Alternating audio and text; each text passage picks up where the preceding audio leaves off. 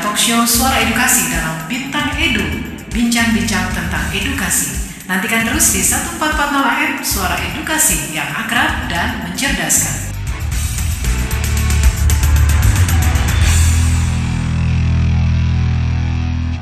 Assalamualaikum warahmatullahi wabarakatuh Kembali bersama saya Indra Wiyarno Dari Gedung Graha Media Pustekom Lantai 2 Menyapa sahabat edukasi di mana saja berada Sekedar info saja Kali ini Bintang Edu yaitu bincang-bincang seputar edukasi akan mengangkat episode Kongko di Udara bersama Lembaga Kebudayaan Betawi yang kali ini akan mengangkat hal-hal yang berkaitan dengan kulinernya Betawi. Kalau kita menyapa sahabat edukasi di mana saja berada, pasti akan tergiur, akan termeleh-meleh, atau terngiler-ngiler terhadap kuliner Betawi ini. Yang notabene, ya pastinya banyak sekali. Ada yang legit, ada yang renyah, ada yang seger-seger, ada yang pedas-pedas, pasti demikian.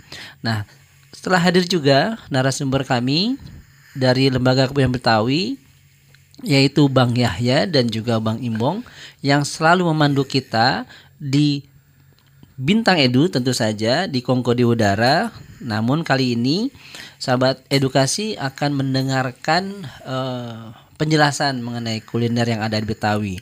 Tapi sekedar info lagi, teman-teman bisa mengakses Suara Edukasi di suaraedukasi.kemdikbud.go.id. Itulah laman kita, website kami di situ.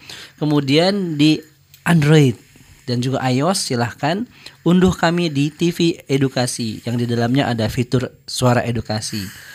Kalau mau menikmati kami juga melalui terestrial di 1440 AM. Tentu saja radio Edukasi yang akrab dan mencerdaskan. Mau berkontribusi mau curhat, mau minta keterangan atau mau ngasih tahu mengenai kuliner Betawi yang ada di daerah setempat, silahkan juga nih kirim ke 0816 2526 1440. Kata orang Betawi nggak banyak basa-basi nih. Nah, kali ini Bang Yahya dan juga Bang Imbong mau kasih kita keterangan banyak-banyak mengenai legit renyah kuliner Betawi. Di episode kali ini teman-teman akan tergiur pastinya mau masakan ala Betawi. Silakan Bang Imbong, kita cerita-cerita lagi. Bang Yahya, kita mau kasih info lagi mengenai legit renyahnya kuliner Betawi. Ayo Bang Imbong, kita mulai dengan apa nih? Iya, yeah, makasih Bang Indro. Assalamualaikum warahmatullahi wabarakatuh. Waalaikumsalam. Para pendengar sekalian, kalau ngomongin Betawi nggak lengkap kalau nggak kita ngomongin masalah makanan. Hmm. Gitu kita juga pengen ngadain survei bang Yahya ya. Oh. Kalau ngomongin kita tanya tuh mm, -hmm. anak muda uh, apa nih soal Betawi di kepalanya langsung gitu. Mm -hmm. Bilang kuliner kali bang ya. Mm -hmm, iya. Makanan pasti ya. Makanan udah. Iya memang uh, kami dikaruniai lidah-lidah yang disukai banyak orang mm dari rasa segala macamnya. Mm. Karena Betawi ini uh, banyak uh, asimilasi budaya, jadi mm banyak juga unsur-unsur uh, budaya, rasanya pun jadi jadi melekat di makanan kami. Oke. Okay. Gitu. Kau jadi ngomongin makanan jadi ngiler nih bang. Pasti kebayang, kebayang, kebayang, kebayang gitu. namanya soto Betawi Waduh, gitu. disebut lagi. Yang namanya apa bang ya laksa. Waduh. Enak banget itu. Aduh, bener-bener kerak telur. Waduh, enak lagi. Nah, di beberapa tempat memang ada keunikan tuh. Ada nasi uduk yang berbeda di antara tempat si sama-sama Jakarta sama Betawi itu ya. Betawi juga. Agak gitu. ada bedanya kampung ya. sono mau kampung sini, hmm. nasi ulamnya kampung sono mau kampung sini beda-beda gitu. Wah, enak banget ya. Gimana Bang Yaya? Menurut Ayo, Bang bang. Yaya nih, Bang Yaya gimana? Ya, assalamualaikum warahmatullahi wabarakatuh. Waalaikumsalam warahmatullahi wabarakatuh. Yuk. Uh, saudara-saudaraku di Suara Edukasi, ketemu kita Bintang Edu dan kita Kongko di udara. Mm-hmm. Hal ikhwal kebetawian. Yes. Nah, kalau kita ngomongin kuliner ya, Bang Indro dan mm-hmm. Bang Indra, eh Bang Indra, Bang Indro dan yeah, Bang, Bang Imbong, Imbong gitu ya. Jadi yeah. salah sebut yeah. gitu ya.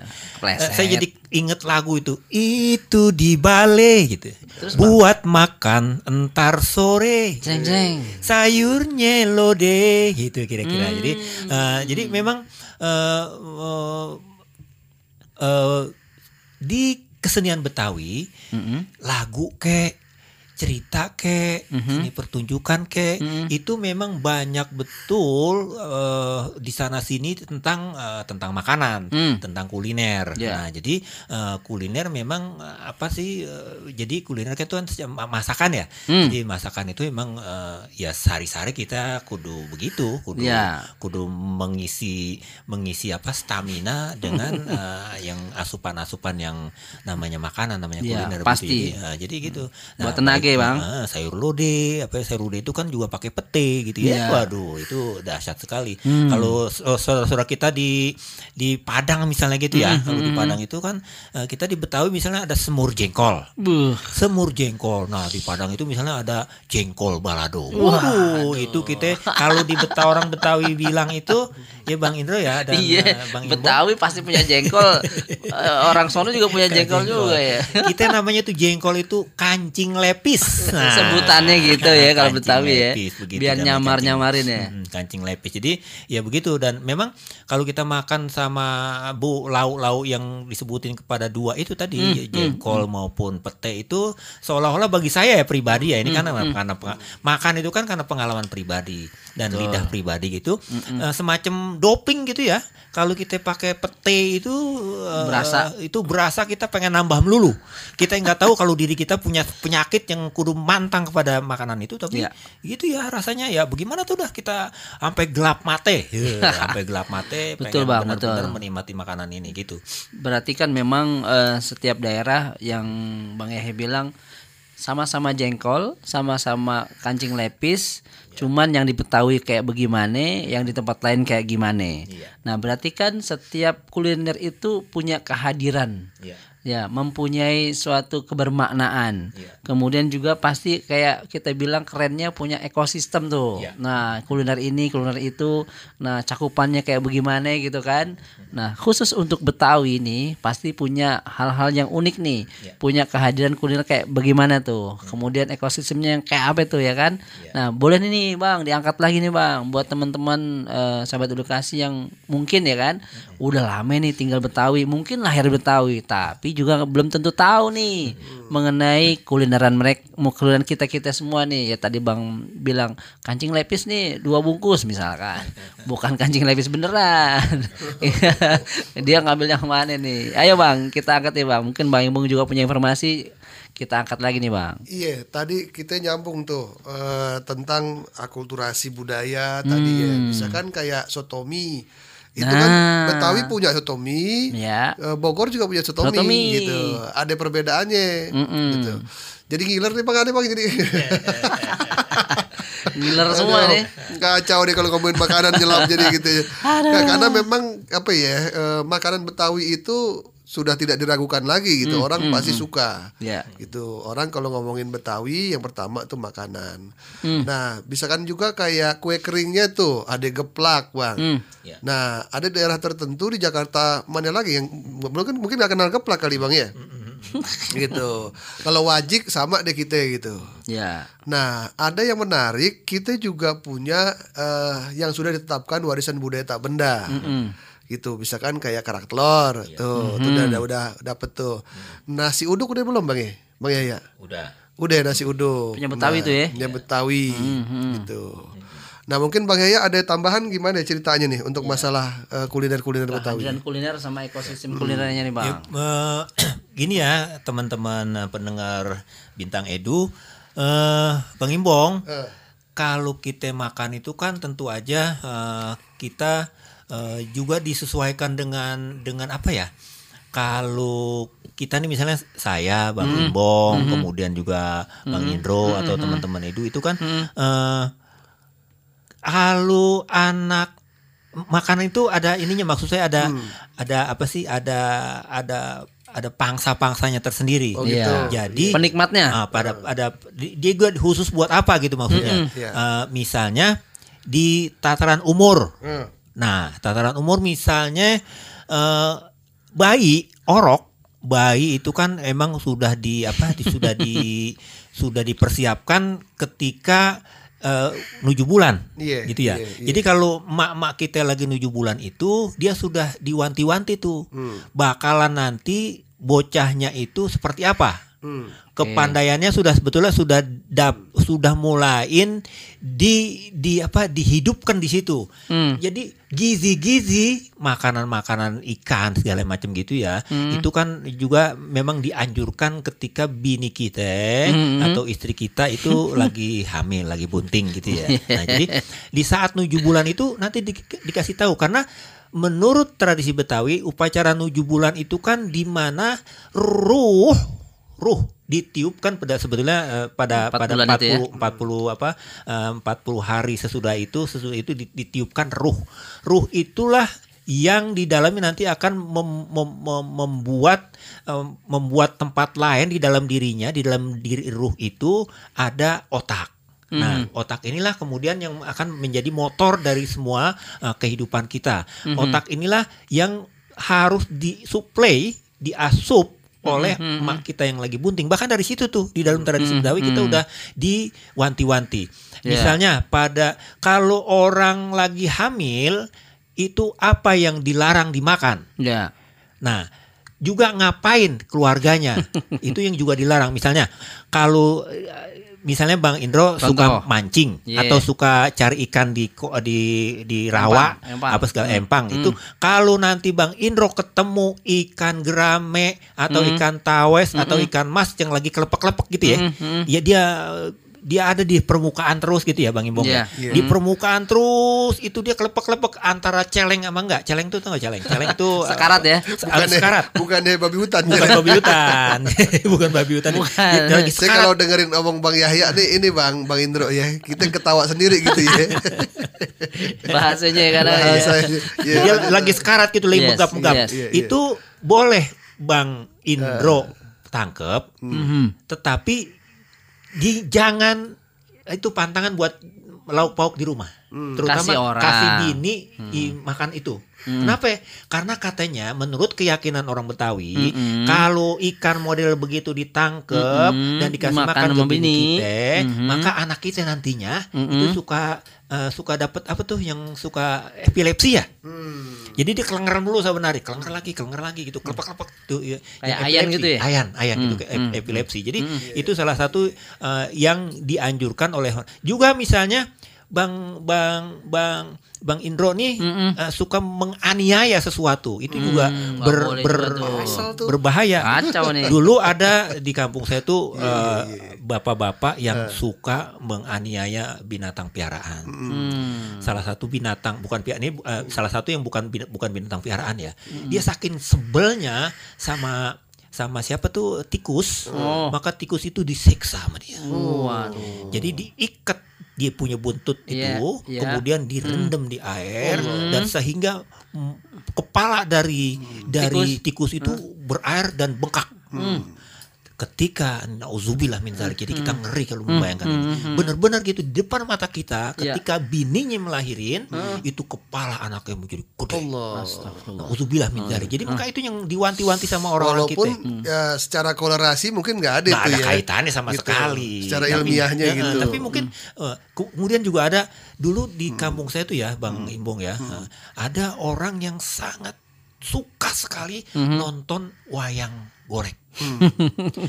Wayang goreng itu ditonton sampai ke bawah bawah pagi tuh ya. dia, dia hmm. pokoknya dia hmm. artinya maniak betul, seneng hmm. betul seneng sama, banget ya uh, sama apa namanya sama si apa namanya si uh, Werkudoro hmm. gitu ya sama tokoh-tokoh wayangnya ya tokoh-tokoh hmm. wayang hmm. kan hmm. kalau wayang kan begini tangannya ya begini nih begini nih tangannya nih hmm. begini nih apa nih bisa digambarkan nggak oleh pendengar bisa ini tahu nggak begini begini apa ya Begini nih jadi kode. nunjuk, enggak telunjuk dan cuma dua maksud saya. Hmm. Dia punya jari cuma dua oh, begini, gitu. kayak jari wayang gitu ya. Hmm. Gitu. Nah, itu Oh iya karena dua dimensi. Pas, hmm, pas dia melahirkan itu anaknya tangannya begini doang nih cempel sama telunjuk sisanya gak ada oh hmm. ya, sisanya gak ada hmm. jadi hmm. begini nah itu uh, itu kenapa kamu bisa begini sih oh, nah ada juga misalnya uh, jangan sampai ya.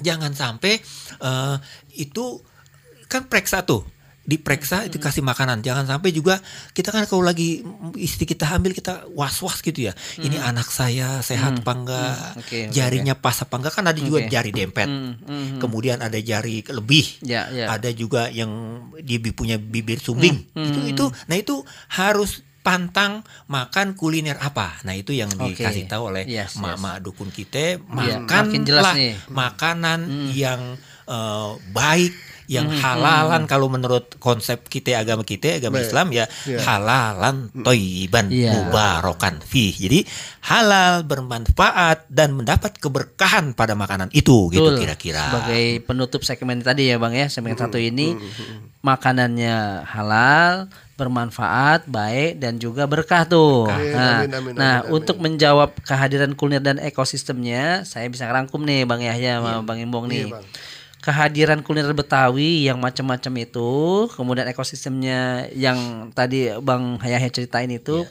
punya asbabun nuzulnya ya gitu ya kan. Hmm. Bisa jadi makanan tersebut tercipta karena suatu hal. Makanan hmm. ini ada atau barang ini ketika hadir karena ada sesuatu yang tadi hmm. yang yeah. mengikuti mengiringinya kejadian-kejadian tadi. Yeah. Nah, sahabat edukasi tentu saja kuliner-kuliner yang ada di Betawi nggak eh, nggak istilahnya tidak sekedar hadir tanpa ada uh, sejarahnya Cerita, ceritanya iya, iya. mereka hadir itu uh, soto betawi kah iya. kerak telur kah bir peletok kah macam-macam itu hadir karena satu dan lain hal pastinya yang iya. mengiringinya mm-hmm. nah ada lagi cerita-cerita mengenai kuliner betawi di segmen ini yang akan lebih seru lagi tapi kita dengerin dulu nih yang satu ini bintang edu bincang-bincang tentang edukasi Ya 1440 AM yang akrab dan mencerdaskan. Tema Bintang Edu berkaitan dengan kongko-kongko di udara dari Lembaga Kebudayaan Betawi mengenai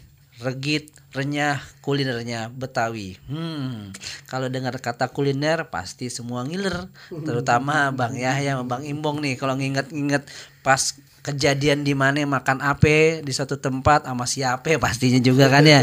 Wah, pada saat umur berapa, kemudian kondisinya kayak gimana? Wah, seneng banget pasti.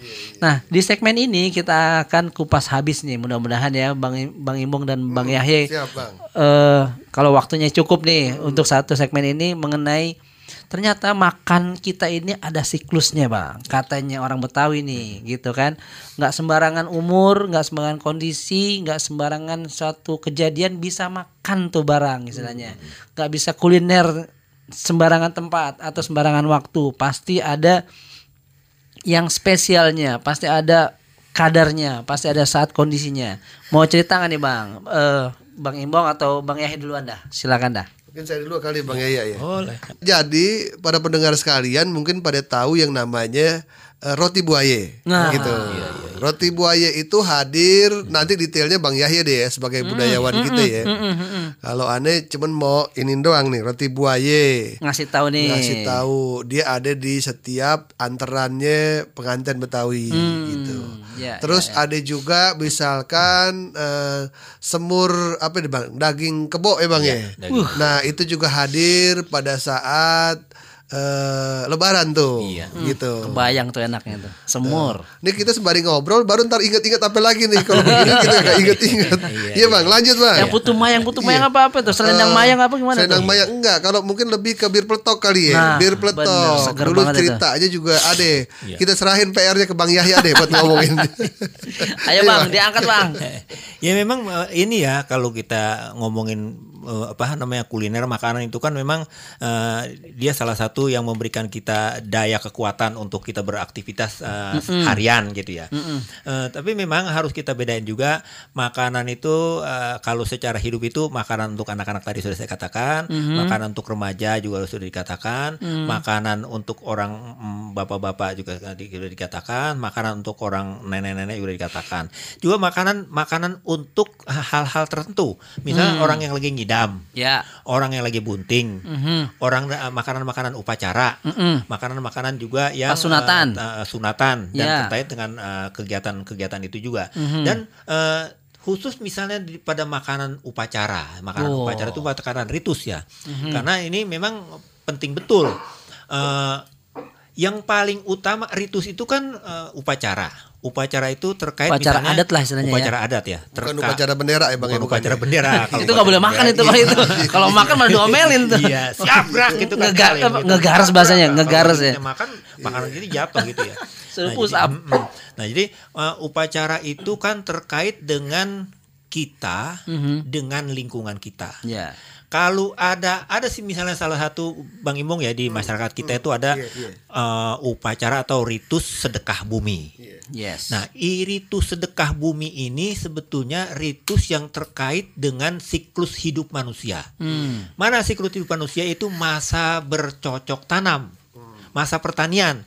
Jadi kalau sekarang hasil panenan kita padi yang kita tanam oh, hasilnya bagus, buah-buahan yang kita tanam hasilnya bagus keren, umbi-umbian yang kita tanam bagus keren, buah-buahan yang kita tanam bagus keren. Nah itu pada masa panen kita tidak lupa me- melakukan persembahan kepada Allah Subhanahu wa taala. Kalau zaman sekarang, kalau zaman pra-Islam itu biasanya upacara disebut upacara baritan. Hmm. Upacara baritan itu upacara mengalap berkah, memohon kepada dewi kesuburan saat itu. Mana dia kalau secara Hindu atau Buddha itu kan dewi kesuburan itu uh, Dewi Sri namanya ya. Dewi Sri, Dewi Sri, betul. Dewi kesuburan, Dewi perempuan. Dewi kesuburan. Karena Dewi Sri itu kan perempuan, perempuan itu kan kesuburan.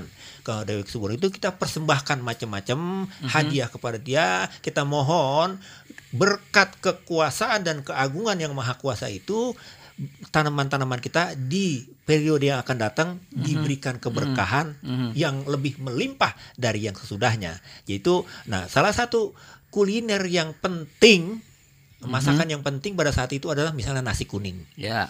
Nasi kuning ini dipakai di mana-mana di mana-mana ritus ya Bang Imbong ya. Iya, betul. Ya, ada kalau kita lagi nyunatin ada salah satu nasi kuning. Ya. Nasi kuning di kita ini tentu saja berbeda dengan eh, ku tumpeng yang warnanya kuning. Beda. Nah, kita tuh nasi kuning itu memang nasi yang dikasih kunyit tapi berasnya bukan beras biasa. Kita ini beras ketan. Oh. Oh, beras ketan dan bentuknya pun nggak harus nggak harus bentuk congcot gitu ya. Congcot Congcot itu ya? eh, bentuk eh, bentuk kukusan. Oh iya. Nah, bentuk kukusan itu kan congcot. Kerucut ya? Ya kerucut ya kayak Congcot congcot. ya. Enggak begitu. Baru tahu nih bahasa congcot. di piring-piring itu di piring-piring Ya, ya, oke, Jadi dalam sedekah bumi Ilmu baru nih. dalam eh, nuju bulan, dalam pindah rumah, Hmm, dalam upacara nge- ngebuka ngebuka sawah, itu Hmm. disebut nge- ngebalik, ngegulik atau ngegerabag gitu ya. Dulu disebut Hmm, ada ngegerabag itu saat kita me- memulai mengolah tanah untuk kita tanemin gitu. Kemudian bikin rumah, mau Hmm. Oke. ngelepas perahu baru, Hmm. mau pergi muki, Yes. mau pergi dagang itu ada satu masakan nasi kuning. Nasi kuning itu simbol dari keagungan atau kemuliaan uh, para penguasa. Ya. Allah Subhanahu wa taala. Maka itu uh, betul sekali apa konsep misalnya Pancasila gitu ya. Kalau kita ngomongin Pancasila. Uh, satu ketuhanan Hanan yang yang, Maha Esa. Maha Esa dilambangkan dengan bintang, bintangnya warna kuning. Ah, Nah, warna kuning itu kuning itu warna kemuliaan. Betul. Kalau juga di- dikaitkan dengan misalnya kalau ada orang yang meninggal gitu ya, Bendera misalnya di tetangga kuning. kita itu ada bendera kuning Ya. Ditaruh di depan rumahnya itu simbol dari kembalinya ruh manusia ke hadirat Allah Subhanahu Yang wa taala yang maha mulia, Betul. Maha agung. Jadi gitu. Eh, kalau misalnya Mas Indro meninggal banyak dosanya tentu aja kudu dikemplangin dulu dong. Aduh, iya, ya. mudah-mudahan Diseksa enggak ya, Bang, ya. Aduh. digebus dulu, Aduh. dikucak dulu, Contohnya sama dulu. yang lain aja bang, jangan aneh kali nih. ya begitu. Serem amat nih. Nah, itu nasi Oh, iya, kuning. iya, iya, lanjut. Ada juga misalnya kalau kita ada upacara nyapih anak ya. Nyapih Oke, anak. nyapi apa tuh bang? Nyapih itu Beba- mem- ngelepas mem- dari ASI. Melepaskan Aha. anak dari kebiasaan netek. Netek tuh Netek bahasa ini- Betawi ya. bahasa Betawi netek. Iya. Menyusu. Menyusu. Menyusu. Asi dari ibunya ya, Iya. udah lepas. Menyusui. Itu nggak pornografi kan ya? Enggak ya? Enggak, Itu enggak, enggak. enggak enggak. ada. Itu semua bahasa, semua bahasa, iya. bahasa, Iya, iya, memang iya. itu eh, diciptakan Allah Subhanahu wa taala untuk mengungkapkan sesuatu Iya. dan itulah menjadi kekayaan manusia. Iya, Oke. iya, iya, Jadi iya. itu ada Nyapi. ada ayatnya, Bang. Nyapi, Ya. nyapi. Itu wa 'allama adamal asma'a kullaha summa aradahum alal malaika. Jadi waktu itu setan ragu-ragu.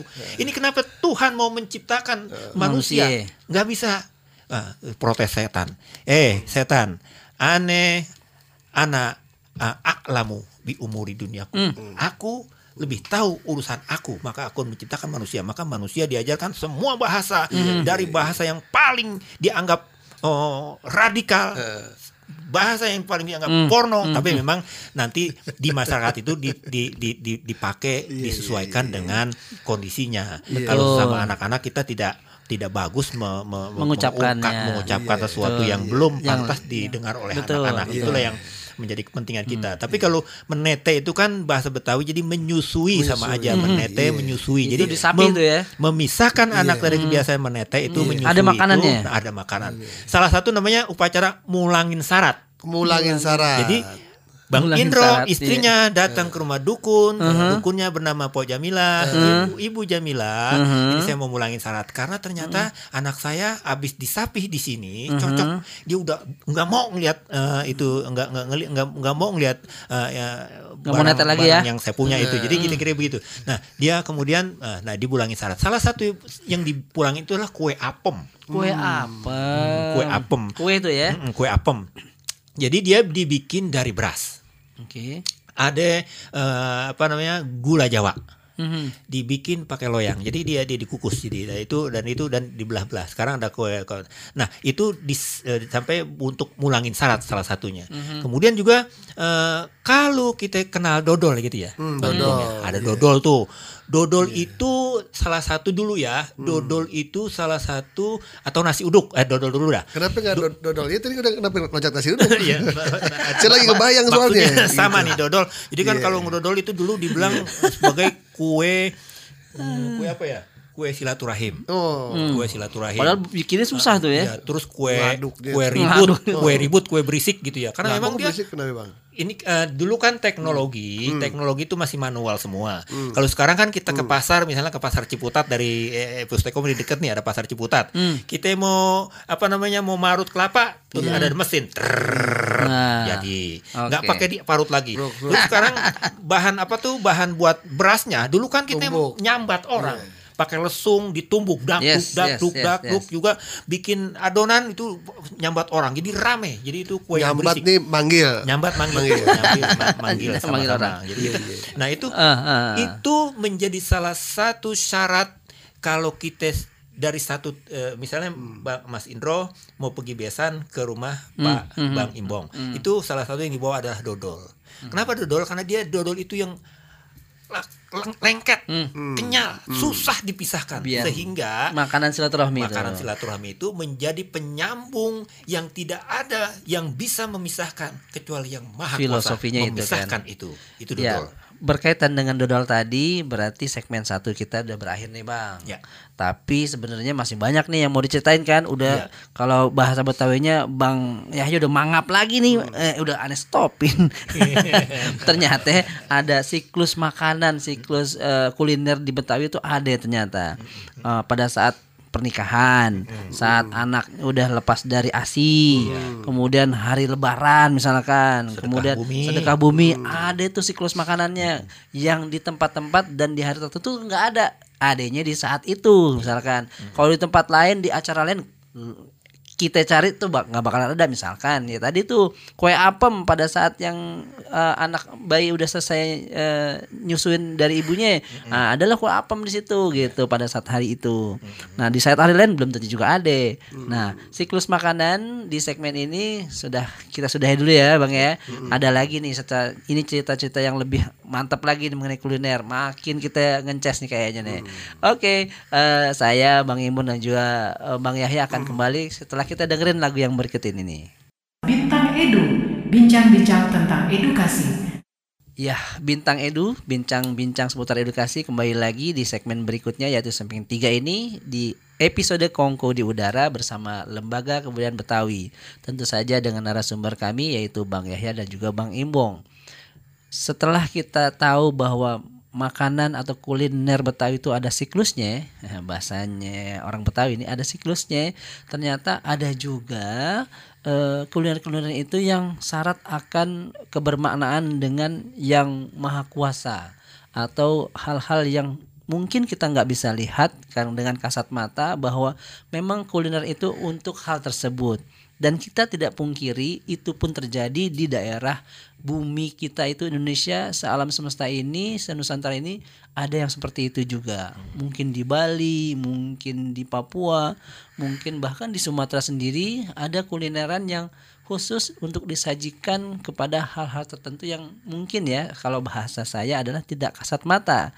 Atau untuk hal-hal tertentu yang memang ya untuk tujuan tertentu. Nah kita langsung lempar nih. Bang Yahya harus bisa ngangkat nih mengenai kuliner Betawi yang untuk yang begitu-begituan. Nggak bisa dimungkiri ya Bang Yahya ya. Itu terjadi di nenek moyang kita uh, asal muasal kita orang Betawi yang punya istilahnya Betawi punya gaya. Nah itu terjadi tuh pastinya. Ayo bang kita angkat bang. Biar semua orang tahu nih bang Bang Imbong barangkali mempunyai kesan tersendiri terhadap itu? Pernah nggak kejadian pernah nggak gitu? Kalau saya sih dulu kecil ini, jadi ke bet, orang Betawi dulu tuh punya pendaringan Bang Indro. Iya, Jadi di, di pojok, di pojok Pendaringan kamar. tuh kayak tempat tidur ya? Bukan. Apa pendaringan tuh? tuh apa ya? Uh, uh, gentong. Oh. Gentong. Gentong tuh dulu isinya bisa beras, iya. bisa air, air ya Bang, iya. itu ya. Nah, itu di atas gentong gede itu bi uh, nenek ane tuh sering naro kopi pahit mm -mm. gitu mm -mm. situ nah ane juga nggak paham itu gimana nya mm. Ya, ane kan Betawi Belanda, Abang. Jadi ngaku nih sekarang ngaku dia nih. Bang Yahya itu yang paham. Bang Yahya gimana Bang Yahya? Diangkat Bang, ayo. Gitu Memang kalau orang Belanda biasanya tidak suka pada kegiatan-kegiatan seperti itu ya. Ekstremis ini. ya, ekstremis. Tapi uh, itu memang masih terjadi seperti sampai sekarang hmm. di beberapa keluarga itu uh, terutama kan Betawi begini ya Bang Imbong ya yeah, uh, yeah. ada eh, oleh oleh oleh ahli-ahli antropologi dan mm -hmm. ahli-ahli kesuku bangsaan itu memang mhm. dibagi uh, misalnya Betawi dikata Betawi pesisir. Oke. Okay. Nah, Betawi pesisir itu akhirnya melahirkan karakter kebudayaan yang kebaharian. Jadi mm -hmm. kebudaya bahari itu adalah Betawi pesisir. Nah Betawi tengah ini Betawi yang populis. Betawi mm. populis itu populer akhirnya yang melahirkan budaya populer. Mm -hmm. Nah di situ hal-hal yang lebih populer muncul lebih kuat di situ. Nah Betawi yang di pinggir itu Betawi pinggir itu lebih kepada agraris. Jadi budayanya mm. ada budaya agraris. Nah di budaya agraris inilah memang dan di budaya uh, Betawi uh, apa namanya pesisir dan mm -hmm. Betawi agraris yeah ini yang lebih sering kita dapatin upacara-upacara atau ritus-ritus. Hmm. Misalnya kalau di Jakarta Utara pesisir itu uh, teman-teman kita di pulau itu, hmm. pulau dan uh, kalau kita, mereka kan nyebutnya gini Bang Ibong ya. Hmm. Kemarin Bang Ibong baru saja pulang dari Pulau Seribu, Pulau hmm. Tidung. Hmm. Itu pulau yang uh, kalau kita ungkapkan dengan kata-kata ada enggak ada kata-kata yang bisa mengungkapkan pulau itu betapa indahnya misalnya begitu ya. Yeah, hmm. yeah, nah, yeah. di situ itu ada ada kegiatan misalnya membikin perahu baru. Oke. Okay. Jadi ada kegiatan orang-orang pesisir itu hmm. upacara bikin perahu, perahu baru. baru. Hmm, ada upacara nah, ya upacara ya. bikin perahu. Nah, kita gancangin eh, perahu baru, kita bikin kita ada upacara lepas perahu baru. Ada lagi. Nah, upacara lepas perahu baru ini salah satu kuliner yang wajib ada pada saat itu adalah Apa tuh? nasi uduk nasi hmm, uduk. nasi uduk. Okay. Mereka katakan, kenapa begini? Saya tanyakan kepada mereka, mm ini bang, kenapa nasi nasinya? uduk mm itu mm lambang dari kedudukan kita. Mm-hmm. Jadi kita yang mempunyai kapal, insya Allah akan menjadi manusia-manusia yang mempunyai kedudukan tinggi, mm-hmm. akan dihormati oleh orang-orang kapal, akan okay. dihormati oleh orang-orang pulau. Kenapa yeah. begitu? Ya otomatis karena pemilik kapal, dibutuhkan kapalnya oleh banyak orang mm -hmm. untuk mengais rejeki di tengah gelombang lautan. Ya. Nah itu ada upacaranya gitu. Jadi ada juga beberapa mm, makanan misalnya bekakak. Hmm. Bekakak ayam khususnya ya. Iya. Bekakak ayam itu ya? itu kan ayam utuh ya dibakar. Uh, uh. Itu bekakak uh. ayam itu ada di mana-mana. Ini uh, uh. menjadi persembahan yang memang penting uh, uh. bagi Dewi Sadra. Dewi Sadra itu uh. Dewi Laut Dewi Laut. Dewi Laut kalau hmm. di, di kalau di uh, agraris itu Dewi Sri, Dewi Kemakmuran, Dewi Kesuburan, hmm. nah di sana Dewi Sadra, Dewi di Laut. Dewi Laut. Okay. Uh, eh, entah kenapa ya uh, banyak orang-orang masa lalu itu mempunyai keyakinan bahwa dewi-dewi yang mereka mereka Percayai? mereka percaya itu uh, perempuan. Oh. Karena memang bahkan itu menurun kepada dukun-dukun kita. Kebanyakan perempuan. Ah, ah, dukun-dukun Betawi itu kuncen-kuncen misalnya di kalau kita ada upacara sedekah bumi di eh, Kampung Pondok Rangon Jakarta Timur itu yang menjadi dukunnya juru kunci itu adalah perempuan. Dialah yang membacain jampe-jampe, dialah yang dimintai apa namanya nasihat oleh orang-orang yang berziarah ke situ. Eh, ya macam-macam lah namanya tujuan orang ziarah ya. kan kan kita kita ini ya, kalau zaman sekarang lagi terkenal itu Islam Nusantara, ya Islam Nusantara itu adalah warna itu dikuatkan dengan warna akidah yang betul terhadap Islam kita gitu ya. Jadi itu masih tetap ke bawah tetapi itu tidak menjadi intisari lagi dari sesembahan kita ya kepada yang maha kuasa gitu. Jadi Oke. gitu. Nah, nasi uduk ini lambang kedudukan. Kemudian eh, bekakak ayam ini adalah eh, menjadi satu yang utuh gitu ya. Bekakak ayam kan gak dipotong-potong tuh, cuman eh, iya, satu kotoran-kotoran aja, aja. betul. Itu itu dia langsung dibakar, dipanggang dan itu nanti kita kata mereka itu akan mendapatkan tangkepan yang utuh, yang banyak, yang yang ya ya dapat menghidupin banyak orang. Maknanya kayak gitu ya, ayam maknanya- bekak maknanya tadi kayak ya. gitu, maknanya kayak gitu dan ya yang penting lagi memang di dalam itu di dalam eh, eh, di dalam eh, apa lepas upacara lepas perahu baru Hmm, itu juga upacara eh, apa namanya Ada lagi tuh? Oh. upacara di di kampus di sini tuh ada upacara nge- ngegelibag eh, apa namanya upacara penganten U- Ah. upacara padi penganten Upacara apa di upacara padi penganten Tadi ngelibet tuh bang, tuh. tuh balik kan ada Oh. rebah nih. Kalau zaman dulu kan kita eh, bertani setahun sekali. Hmm, Itu padi yang sudah eh, banyak isinya, Iya. itu karena ketiup angin dia rebah. Oh. Nah itu nanti untuk kebanguninnya ada upacara ngegelibag, Oh. apa nge, nge- ngediriin, ngegelibag itu Ngediriin. ngediriin kembali itu biar supaya nanti eh, itu. Nah itu ada upacara ngarak penganten, eh, ngarak penganten padi, padi, padi pertama tuh. Jadi dicari padi yang saling berha- berhadapan di padi Nah. penganten nih. Jadi yang ini ngadep sini, aja. yang ini ngadep sini, Uh-uh. itu yang dicari dan itu yang dipotong, Uh-uh. itu yang diarak Uh-uh. dan itu eh, ada satu kue untuk dalam arakan itu. Apakah itu kuenya kue eh, dongkal yang segitiga? Ya. Iya, iya, Kue dongkal itu kan segitiga. Ya. Atau kue yang dibungkus model segitiga itu isinya nasi, lontong. Nah, Tapi segitiga. Nah, tapi segitiga bentuknya itu itu sebetulnya uh, ekosistem yang lain lagi ceritanya karena uh, kita akan lebih luas lagi me- melihat segitiga kue dongkal, segitiga kue kue apa tuh kue yang dibungkus pakai segitiga kue jongkong, kue Ada tuh jongkong, Ini negara mana tuh gue jongkong ada lagi tuh. kue jongkong tapi di pinggir biasanya ditambahin lagi kue jongkong kopior. Ah, Nah, Aduh. tuh. dong. Kue Kue jongkong jong- nih, kita bahas kue jongkong dulu kayak gimana Kue- bentuknya tuh bang? kue ya bentuknya dibungkus Iya, jadi iya, segitiga. iya, iya, iya, iya, Nah, ini ada orang dibentuk segitiga, ada Iya, juga lontong, ada juga kue dongkal dibungkus segitiga Iya. bentuknya begini nih. Iya. Nah, bentuk segitiga itu adalah cerita tersendiri nantinya. Kenapa harus segitiga? Ah, gitu nah, kan? Itu kenapa Nah, harus segitiga? Jadi kan ada segitiga pastinya. A kakinya, ada segitiga B, Iya, ada segitiga sudut-sudutnya C, ya. paling atas sudut-sudutnya nih. Ini memiliki makna sendiri. Jadi kalau dalam Betawi itu disebutnya ada eh, ada namanya eh, eh, dunia dunia besar Mhm. dan dunia kecil. Oke. Jadi eh, jadi kira-kira gitu. Dunia kecil itu alam semesta, dunia besar itu kita eh, eh, semesta yang maha kuasa. Jadi kira-kira begitu nih. Ini bentuk kue dibungkus memang syaratnya seperti ini. Jadi eh, se- syaratnya sep- seperti tiga itu karena itu menceritakan eh, apa namanya hablum minallah wa hablum minan nas. Keren keren. Mantap, nih. mantap, mantap, Penutup dari segmen 3 ini yaitu hablum minallah dan hablum minan nas. Nah, sahabat edukasi ternyata makanan-makanan yang diciptakan ataupun makanan-makanan yang disuguhkan pada saat ritus itu mempunyai makna tersendiri bahwa segala sesuatu yang kita eh, hadirkan, segala sesuatu yang kita kerjakan, segala sesuatu yang kita eh, cerminkan kepada seseorang maupun eh, suatu peristiwa tertentu atau acara tertentu itu tidak lain tidak bukan adalah untuk eh, menjalin hubungan yang baik antara kita dengan makhluk sesama makhluk dan juga kita dengan sang kholiknya yaitu Sang Maha Kuasa. Dengan rasa syukur kita baik di Betawi pesisir, Betawi eh, agraris tengah maupun eh, Betawi yang eh, di sisi apa di daerah lain bahwa mereka punya ritus itu sendiri dan kulinernya tersendiri. Nah, semua itu balutannya adalah tentu saja rasa syukur. Kita akan kembali ke segmen berikutnya yaitu segmen eh, mengenai legit renyah kuliner Betawi setelah yang satu ini kita dengerin yuk. Bintang Edu, bincang-bincang tentang edukasi.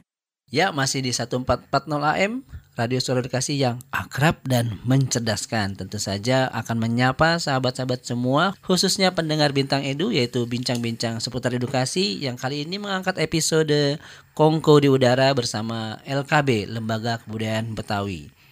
Sudah tiga segmen kita lalui. Nah, segmen keempat ini eh, berkaitan dengan hal-hal yang pastinya tentang kuliner, pastinya tentang makanan, minuman atau eh, cemilan-cemilan yang tentu saja beras- berasal dari Betawi. Nah, tapi nah ada tapinya nih.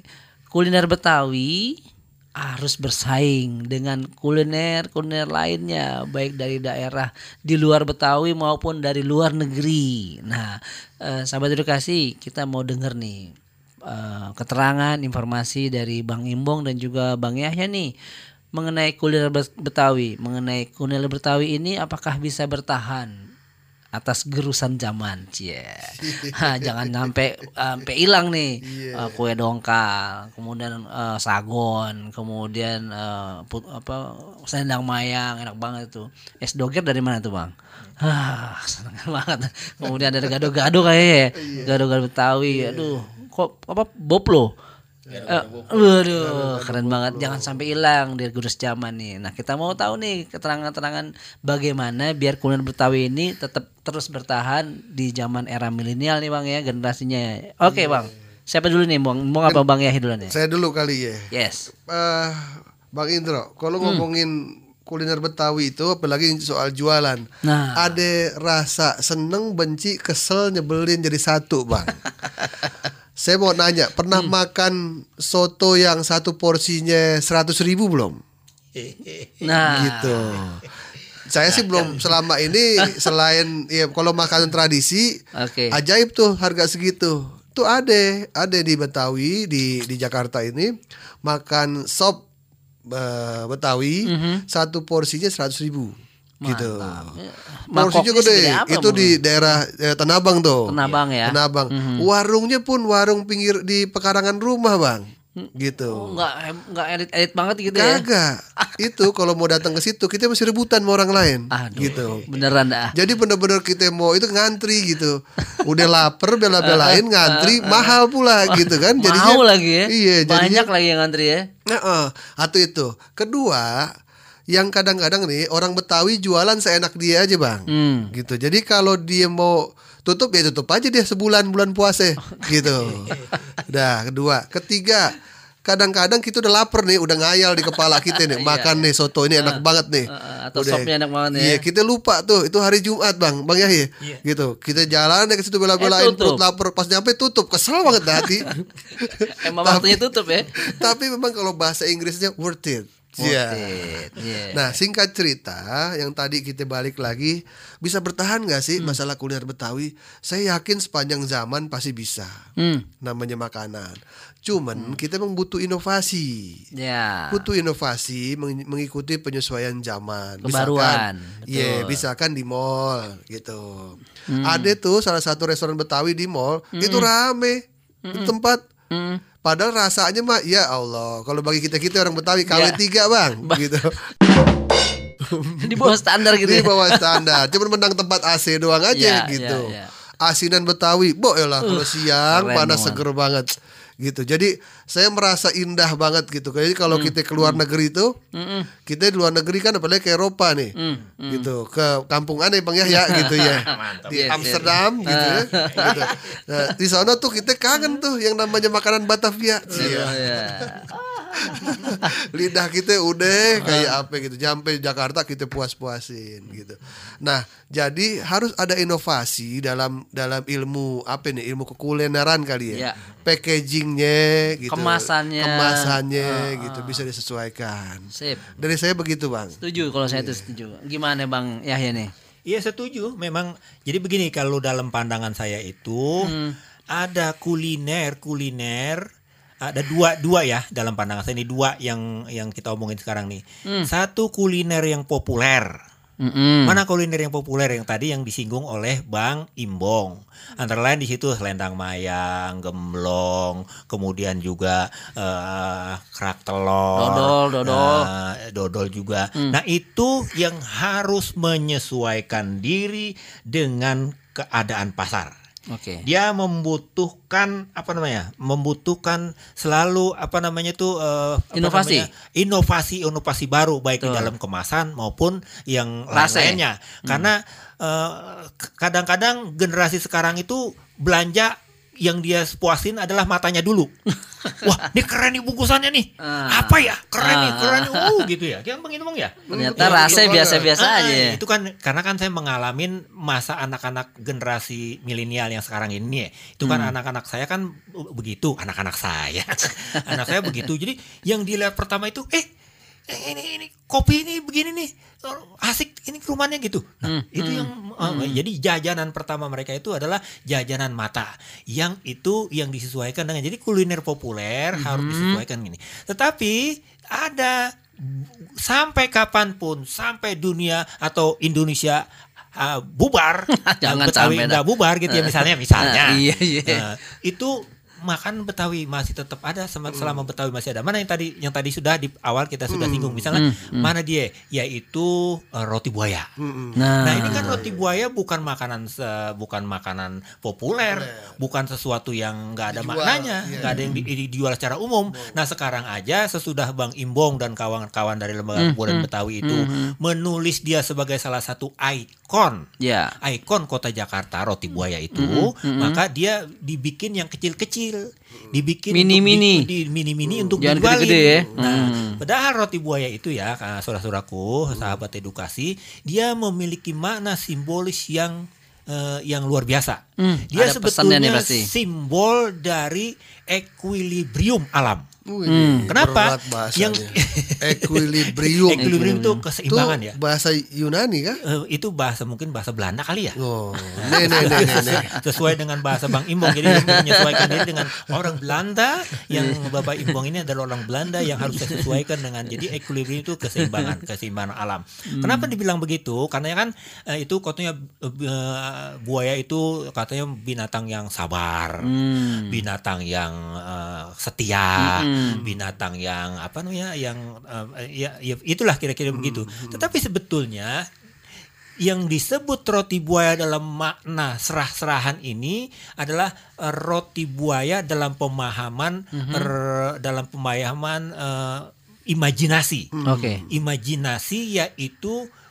ini binatang siluman bukan sebagaimana kita kalau kita eh, pergi ke kebun binatang itu Iya. kita melihat buaya ngegel ngegol ngegel ngegol itu buaya gitu tapi bukan itu Mhm. jadi dia Maknanya? adalah kekuatan kekuatan kekuatan eh, kekuatan yang maha kuasa Mhm. karena dia adalah eh, binatang siluman yang menjaga entuk Untuk, apa ya? apa Oh, untuk ini nih, Untuk. apa namanya mata air. oh iya iya betul. Untuk itu mata air. Jadi Untuk Maka- translator ya. Iya, makanya dulu itu eh, dulu itu orang tua-tua bilang, eh tong, ja- kalau lewat situ kudu numpang-numpang, numpang-numpang, numpang-numpang. Itu kan berarti kobak doang tuh, Iya. kobak. Nah, tapi kobak itu adalah sumber ada sumber mata airnya. Oke. Di pinggir eh, di pinggir kali ada sumber mata airnya, di pinggir rawa ada sumber mata air dan sumber mata air itu eh, yang menjadi salah satu eh, pen- pen- pen- penerus eh, kehidupan.